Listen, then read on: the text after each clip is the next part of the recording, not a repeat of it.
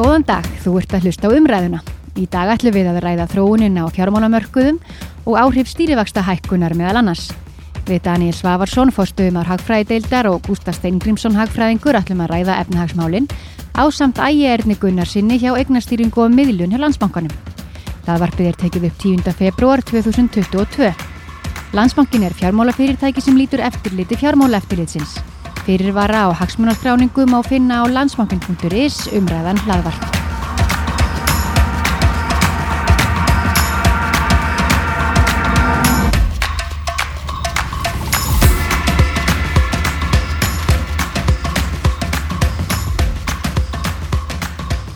Velkomnir. Takk. Takk fyrir.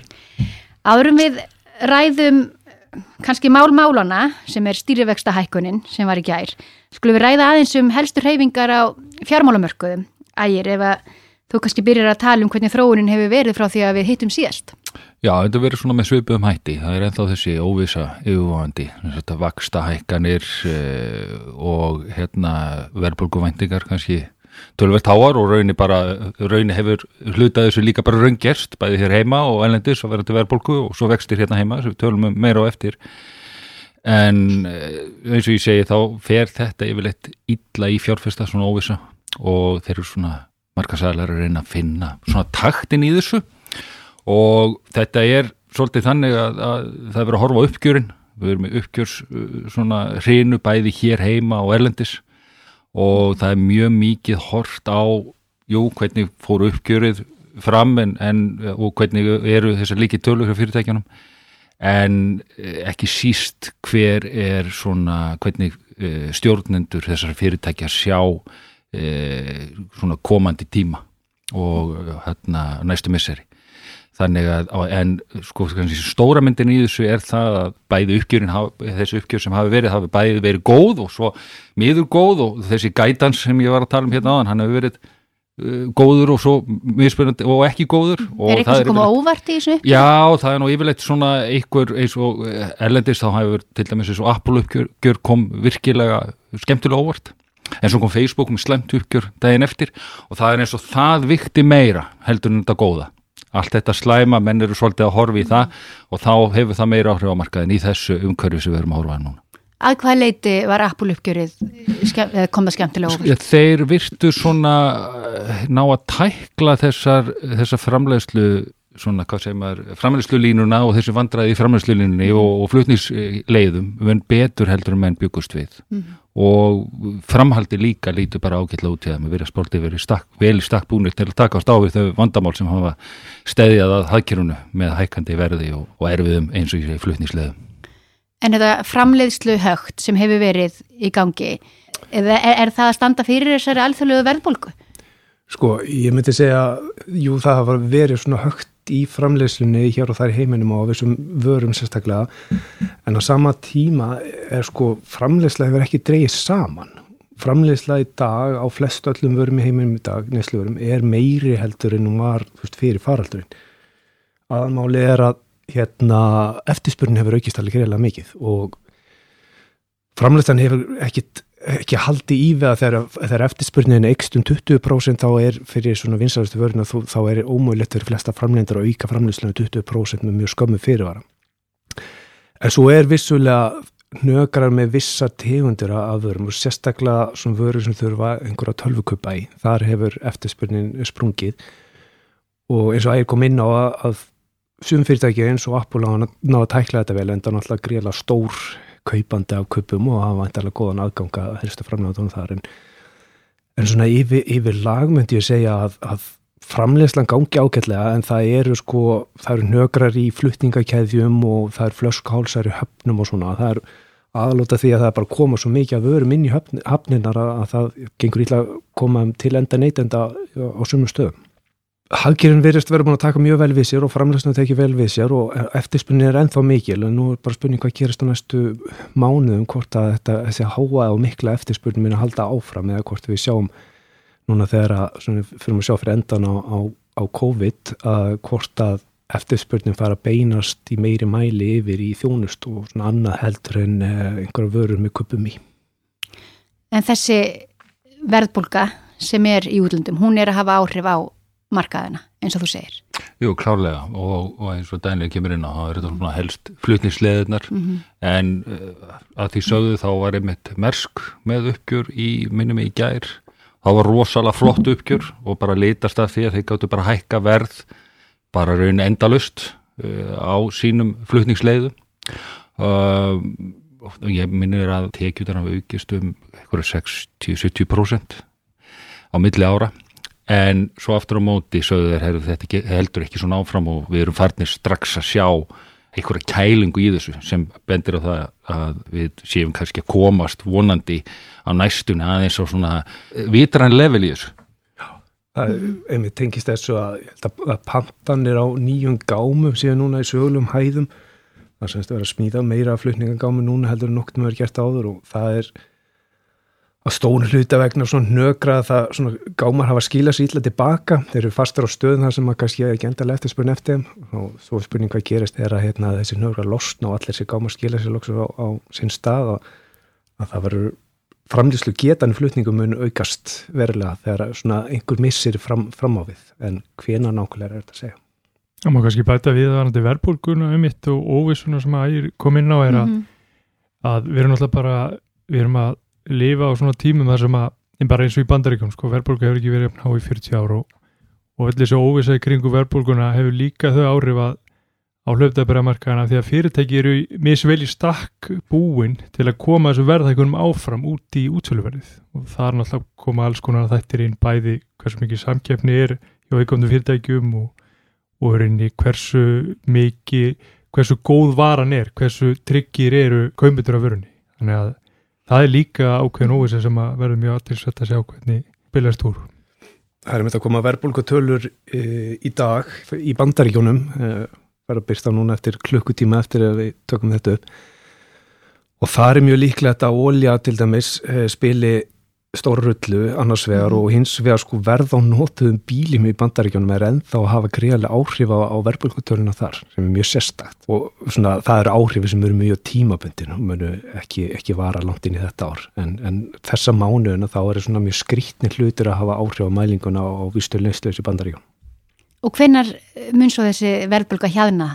þarna ytrahaldiði og hvaða áhrif hefur þetta á Íslandi? Sko, ég myndi segja að það er mjög erfitt að tímasetja nákvæmlega hvernig við fyrir að sjá verðbólkuna hérna í bandaríunum mm. og jáfnvel eru uppi sko, skoðanum það að þetta kunna að vera talsvært viðvarandi. Og hvað er þetta um þá yfir ár eða mörg ár eða, eða nokkra mánuði? Uh, sko það fer svolítið eftir hvernig Sælubanki bregst við. Hann er ekki enþá farin að hækka vestillum sem bandaríunum til þess að bregast við þessari verðbólku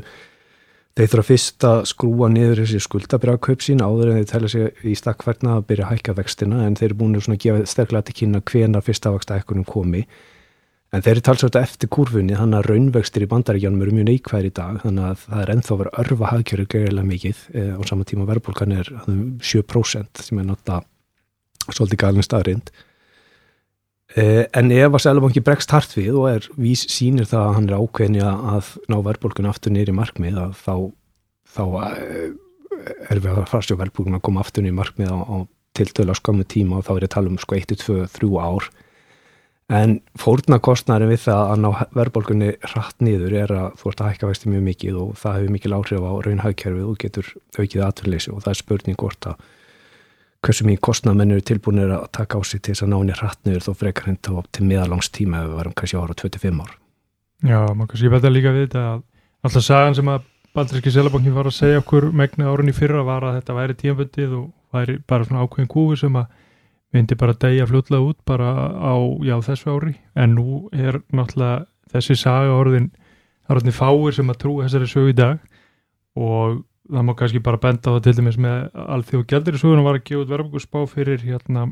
fyrir bandaríkinu og já og, og Euróríkin líka. Að hann, að hann er búin að hækka verðbúrspána núna upp í 5,9% fyrir þetta ár, sérst fyrir bandaríkin. Og, og þessi tala var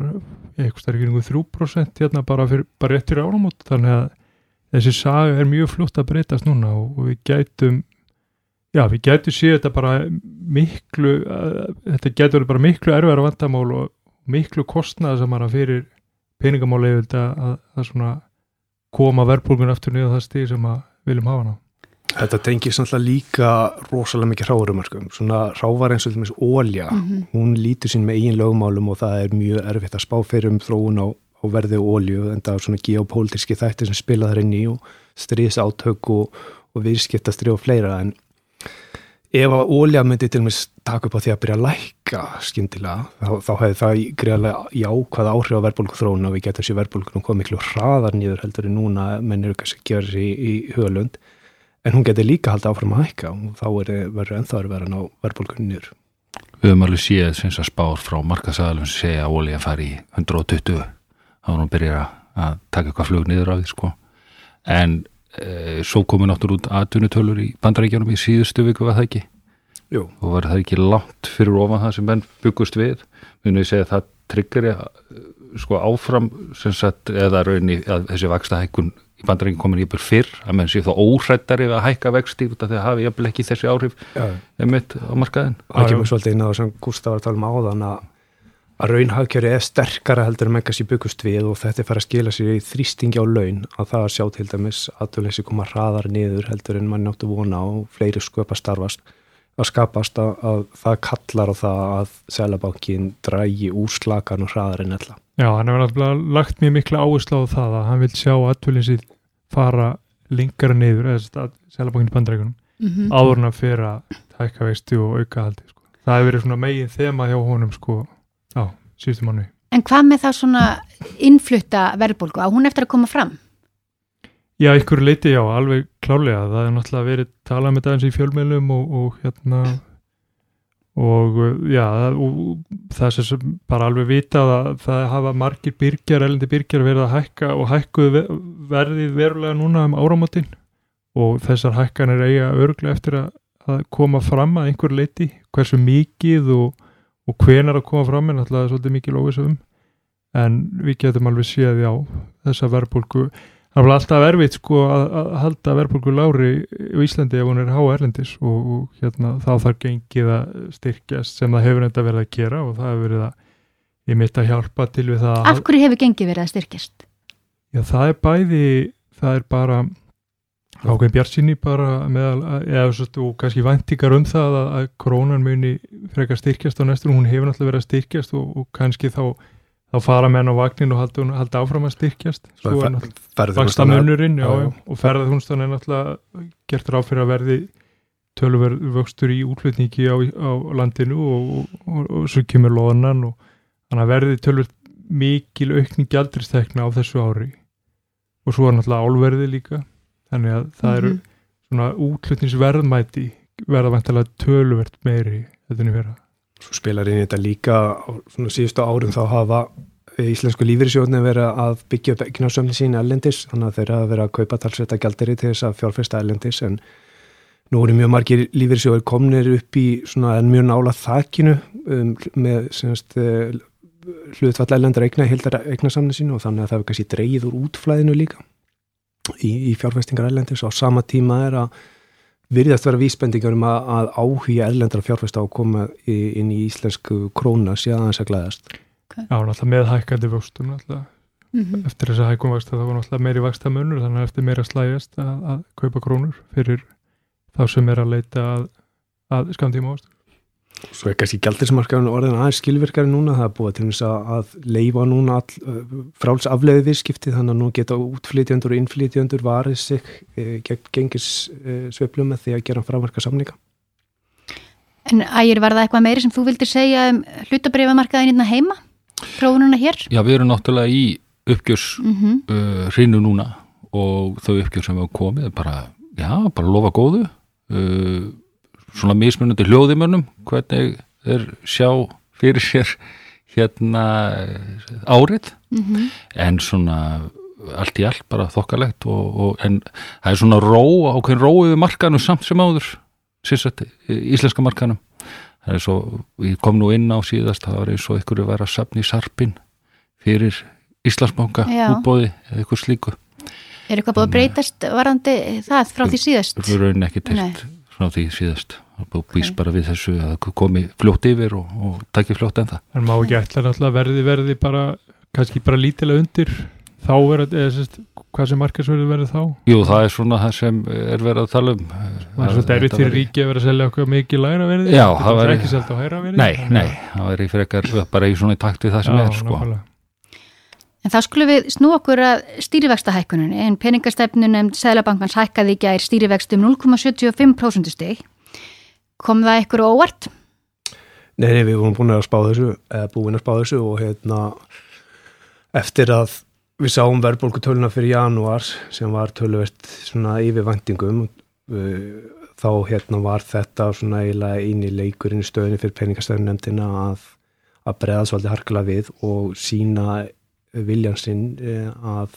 í verki að, að halda verðbólkunni í skeiðum eh, aðhaldið með, með því að verðbólka fór hann upp í 5,7% í janúar að þá var, voru raunstýri vextir að, lækka. Þannig að e, segjum að þeir hefði alltaf að hækka um 25 púnta áður við þessu verðbólkutölu þá hefði það ekki nægt til þess að halda aðhaldstínu óbreyttu. Þannig að þessi 75 púnta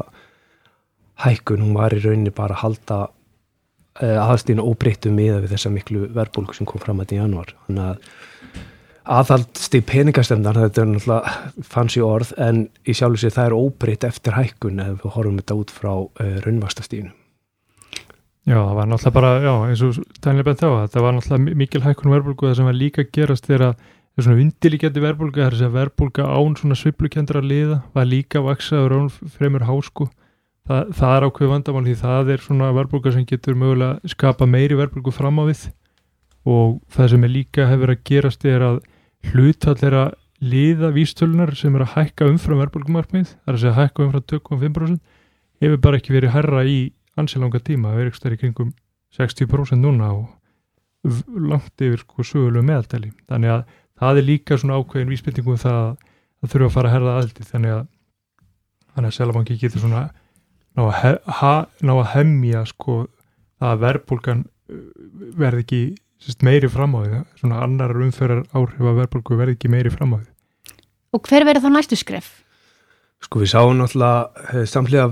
vakst ákvörðinu þá voru byrtu uppfæra spá Sælabankans, verðbólgu og, og, og þjóðarspá og þar voru að sjá kannski stæstu tíðindi var að verðbólgu spáin var að, að hækka tölvögt hjá þeim. Hún hefur reyndi að vera að hækka núna síðustu þrjú fjögur skipti að þá voru hún alltaf verið að hlýðrast Mm -hmm. upp á við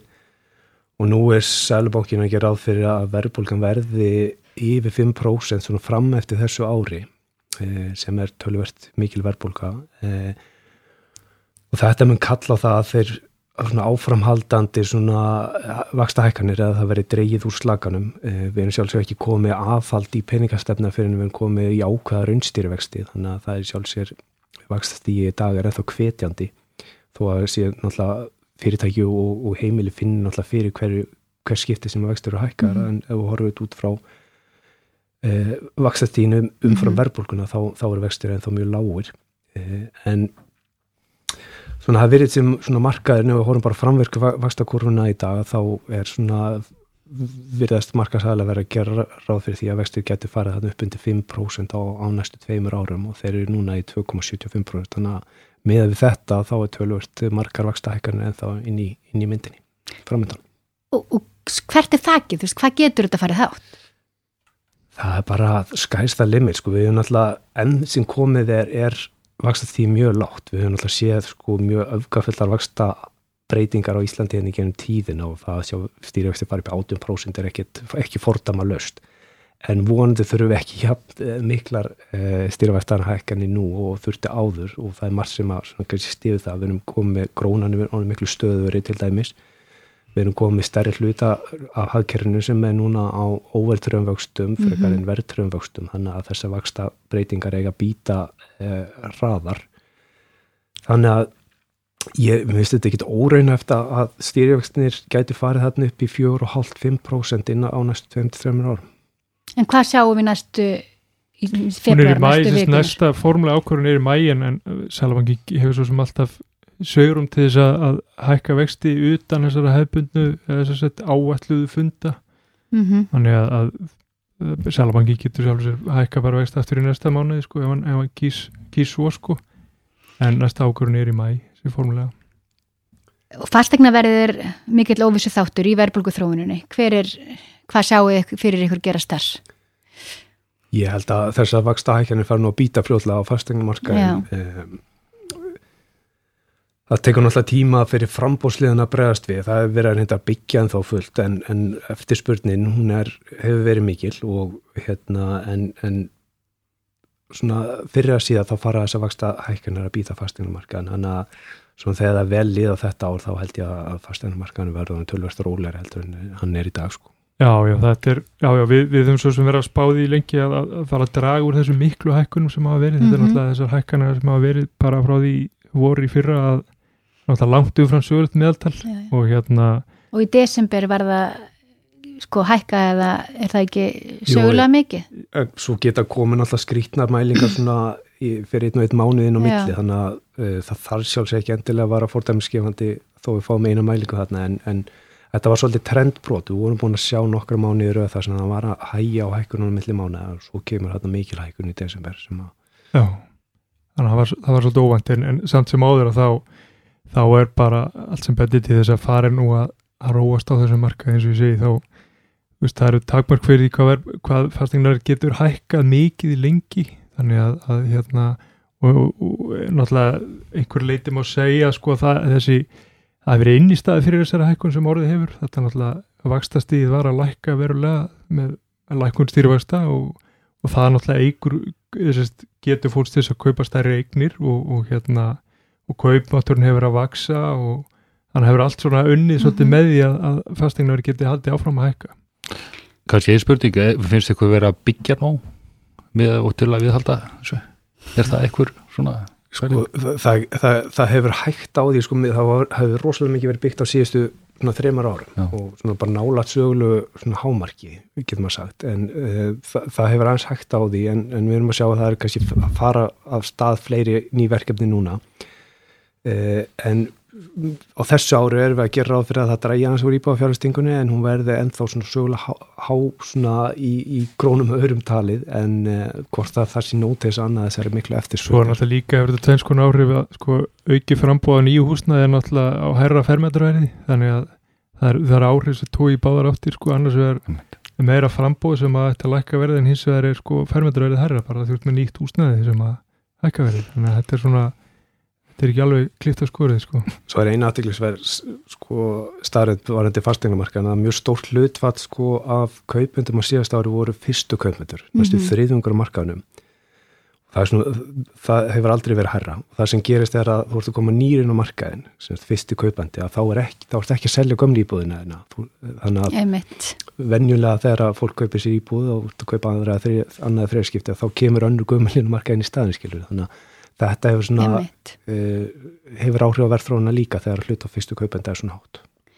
En hvað finnst ykkur um gaggrinina sem hérna Sælabankastjóri til dæmis hérna, fekk í gærum að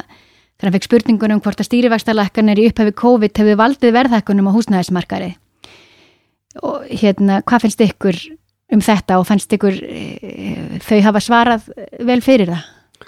Sko, það er alveg augljóst að vakstar lækkarnar höfðu áhrif á fastegnumverði en það áttu að líka gera það. Þetta var hugsað sem meðal annars að örfa íbáðmarkaðin og húsbyggingar. Eh, ég held að sé ótíðumbörst að fara eitthvað að dæma peningastæðanir fyrir það hvort þeir hafi, hafi hækka, eh, lækka vextina of mikið og of hratt. Ég held að þetta hefur réttar ákvarðinu þegar voru tekna á sínu tíma með við þar upplýsingar sem lág Mhm. fyrir þá. Það er erfitt að vera svona vitur eftir á og koma á benda á að, að, að það hefur rétt að gera þetta svona á hinsegin þegar var komið kannski einu og hálf eða tveggja ára sögu svona sér þróuna eftir á en, en, en þegar þessar miklu, þegar þegar voru teknar ákvarðinu þessar miklu vaksta lækkanir þá var gríðalega óvissa og horfurnar afar slæmar þannig að það þurfti að bregða start við og ég held að, að, að, að mínu viti var, var, var þetta eh, réttar ákvarðinir sem voru teknar á þessu tíma. Já, ég samanlega þessu, mjög þetta var svolítið svona, það er náttúrulega eins og Daniel bendur á það er náttúrulega rosalega vilt að vera vitur eftir mm Mhm. sko, og óvissan var náttúrulega alveg gríðarlega hana og, og hérna fyrir síðan margi myndu missa vinnuna og bara eins og ég segi, það er sko, þetta er alltaf, þú ert alltaf að horfa fram í tíman og það er alltaf mikil óvissa sem sagt, bara það hvernig ákvarðarnar já, hvað áhrif það ha- hafa og, og hversu mikið og annars líkt sko, þannig að mér finnst það er, það er bara, já ég held að þetta hafi, eins og Daniel Bendrái mér finnst þetta bara hafi verið bara nokkuð bara vel silt á Sælabankanum sko. Það er ekkit fullkomið í þessu Nei. og svo mál bara líka að segja að Selbanki var fljótu til þegar þurfti og svo eru við byrjuði vaksta hækkunarferli það er aðra þjóður ekki byrjaðar á því og, og verðborgan er ekki bara sér íslenskt vandamál sko, sem það er að taka á og það er byrjað strax að taka á því hér þannig að ég bara, ég verð að taka sagt hanskan upp fyrir Selabankan þarna sko. En ef við endum aðeins á að tala um uh, vinnumarkaðinn og yfirvöndi launahækkanir og hvernig spilar þetta allt saman? Sko vinnumarkaðin er mjög sterkur núna, við erum að sjá að aðtöðleysi hefur komið til dæla hratt nýður og við erum meila komin búin að vinna upp svona þau störf sem verið hafa tapast hérna í, í hérna í faraldrinum eh, þetta er ekki sömu störf sem hafa verið að skapast núna og kannski töpast á síðan tíma þannig að það er útlýtt fyrir það að, að ef að þeirra ferðþjónast að fer að taka við sér í sumar að þá muni þá muni ennþá fleiri störf skapast þannig að við erum meðal komin að það stað núna að, að það er komin umfram eftirspurn eftir vinnuafli og það, það setur svona samkvæmt hafraði kenningunum þrýsting á laun og á saman tíma við að fara inn í, inn í tímabil þar sem að kjársamninga verða lausir bæði fyrir almenna og, og, og hérna, ofurbennamarkaðin senda þessu ára og við byrjum næsta ár þannig að þetta er ekki kjör aðstæður til þess að veri kjara viðraðum þegar að verðbólgan er svona há. Þannig að þetta mun törpla svolítið. Þetta fer svolítið eftir hvað vendinga menn hafa líka um, um, um get og vilja eh, hagstjórnar aðla til þess að koma böndum á verðbólguna eða menn eru samfærið um það að verðbólga veri komið þannig í, í markmið á næstu 2-3 árum og þá, þá takaði miða því í sínu launagröfum en ef að trúverleikinni minni að þá, þá byggja mennin verðbólkumvendingar inn í sína launakröfur og það getur komað að stað svona slæmu spíral. Já, já, sem að bæta við þetta að hérna, þetta er náttúrulega að hafa verið sko laun, að maður ekki glemja því sko að launahækkanir hér á landi hafi verið sko miklu, miklu meiri heldur en í vískítalendunum, bara í svolítið langan tíma. Kaupmáttur hefur vaksið mjög mikið á, á síðustu árum, bara svolítið vel aftur í tíman og það tókst að viðhalda kaupmáttunum í í þessu, þessu, þessum faraldri hérna heima sem er bara, já, hefur aldrei gist áður í Íslandi. Þannig að hérna